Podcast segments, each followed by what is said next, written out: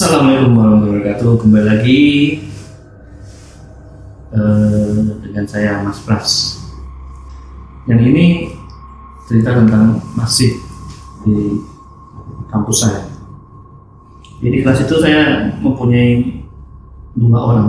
Yang pertama si Ade, yang satu lagi kita sebut Mbak Melati ya. Mbak Melati ini masih keturunan Dayak, Dia katanya sih juga bisa eh, lihat hal- hal-hal yang lain di manusia. Hal gaib. Hal baik. di waktu itu pernah saya eh, dituduh ya si ada saya ada punya teman teman itu cewek jadi saya dituduh sama orang tuanya saya kayak pelet karena si anak itu selalu eh, ingat-ingat saya terus. Ibu itu ketemu saya katanya saya pakai pelet jadi si anaknya dia eh, sering manggil-manggil saya saya sempat saya cerita sama si adik juga tapi si adik emang dia cuma bilang ah udah mas itu cuma eh ibunya aja tapi nggak ada kok Itu ibunya kenapa dia bisa berpikiran gitu? Padahal kan cuma manggil-manggil nama Mas Pras aja sebenarnya. kan. Ada apa Iya. kok bisa dibilang mau Iya. melet gitu? ya katanya dia sering ingat saya kalau di rumah itu jadi kayak apa ya ya mas pras mas pras Pokoknya udah kayak jatuh cinta ya gitu ya. gitu banget tapi ya kita cuma teman sebenarnya Iya. Ini saya nanya sama Mbak Melati. Mbak Melati ini di kampus itu agak terkenal bahwa dia bisa dan bantuin, nyembuhin gitu. Karena memang satu kelas, satu kelas. Saya iseng nanya sama dia, Mbak, eh, katanya si ibu ini saya tuh pakai ada ini pakai itu bisa nggak di anu saya bilang gitu. dicek nggak ada saya bilang gitu ngobrol sama dia dia bilang wah itu yang bisa apa saya gitu. saya harus ke pulang kampung dulu Iya. untuk pastiin gitu akhirnya malam itu saya banyak cerita sama dia bahwa saya tuh kayak gini gini, seperti ini ini. Ada mas. Kami ya nanti pas libur ya saya pulang kampung untuk nanya kabar oh iya mbak. Ini ya waktu dia pulang kampung hari Senin kita masuk saya ketemu dia lagi. Gimana mbak? Bisa udah ditanya sama abah? Aduh dia masih lupa. Tapi saya udah cerita sama abah. Iya. Saya mau dibikinkan air Iya. iya. tapi kalau menurut menurut si Mbak Melati ini Pengalaman. eh, eh, Mbak Melati ini auranya Mas ini warnanya memang agak beda dengan lain. Akhirnya ya sudah Mas besok nanti ya nanti kalau saya ke kampung lagi ya saya sama Abah hari Selasa dia tidak masuk kan di kampung Rabu Kamis ternyata dia tidak masuk lama Iya.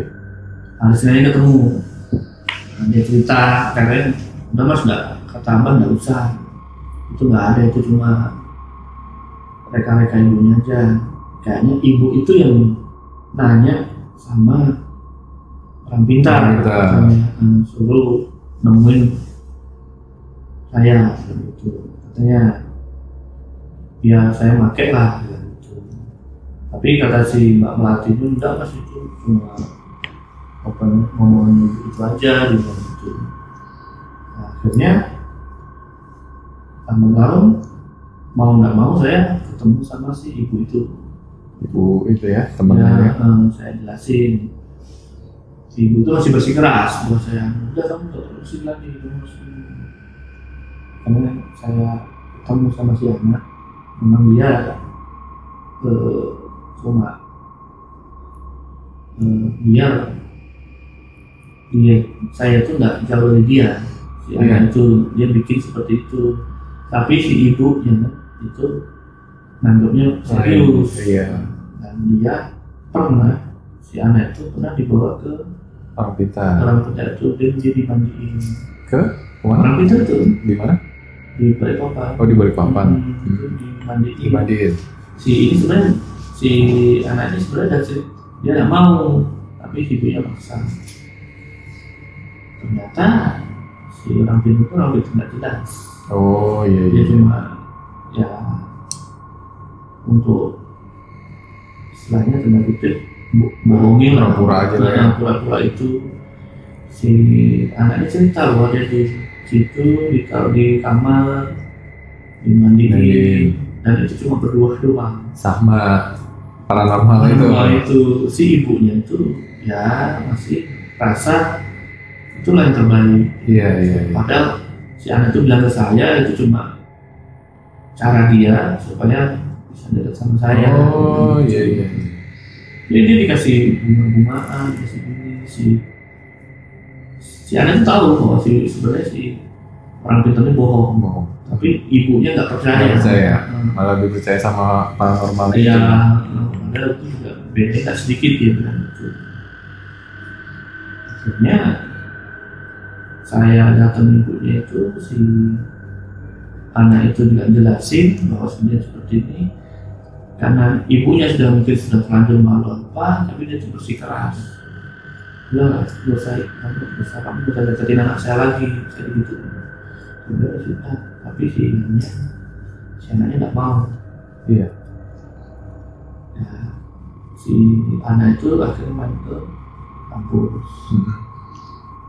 Hmm, ketemu sama si Mbak Melati ternyata